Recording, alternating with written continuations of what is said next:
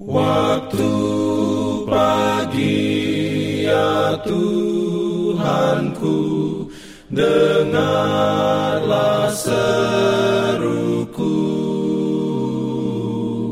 Melayang doa yang sungguh Memandang padamu.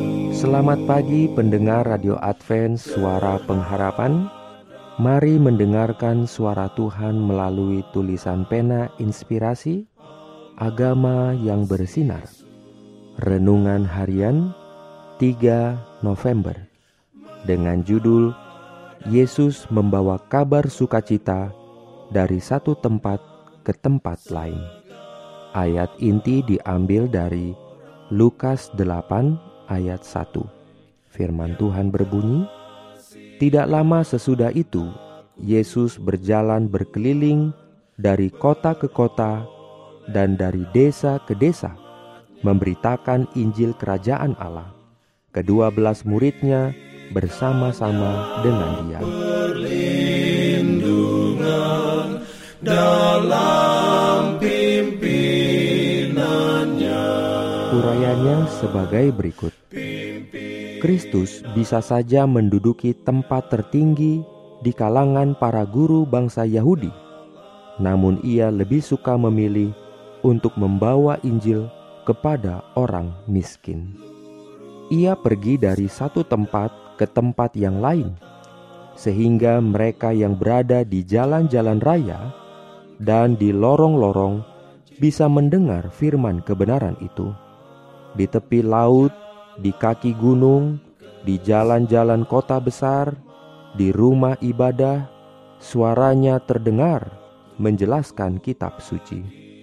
Sering ia mengajar di halaman luar bait suci, agar orang-orang kafir boleh mendengar suaranya.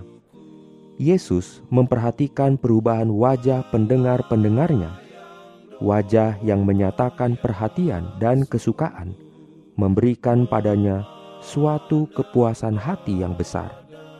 Bila mana anak panah kebenaran menembusi jiwa, memecahkan segala rintangan cinta diri, dan mengadakan penyesalan, dan akhirnya perasaan syukur, juru selamat digembirakan hatinya. Apabila matanya memandang seluruh pendengarnya, dan ia mengenal wajah yang pernah dilihatnya dulu, wajahnya pun bersinar kegirangan. Ia melihat bahwa di antara mereka terdapatlah rakyat yang diharapkan bagi kerajaannya. Apabila kebenaran dengan jelas diutarakan, menyentuh beberapa ilah yang dipelihara dalam hati, ia memperhatikan perubahan wajah, rupa, dan sikap yang dingin yang menyatakan bahwa terang itu tidak mendapat sambutan. Apabila ia melihat orang banyak menolak pekabaran damai itu, sakitlah hatinya. Amin. Diberikannya perlindungan dalam pimpinannya. Pimpin.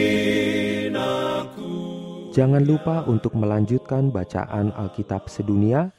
Percayalah kepada nabi-nabinya yang untuk hari ini melanjutkan dari buku Amsal pasal 31. Selamat beraktivitas hari ini. Tuhan memberkati kita semua. Jalan kewajiban.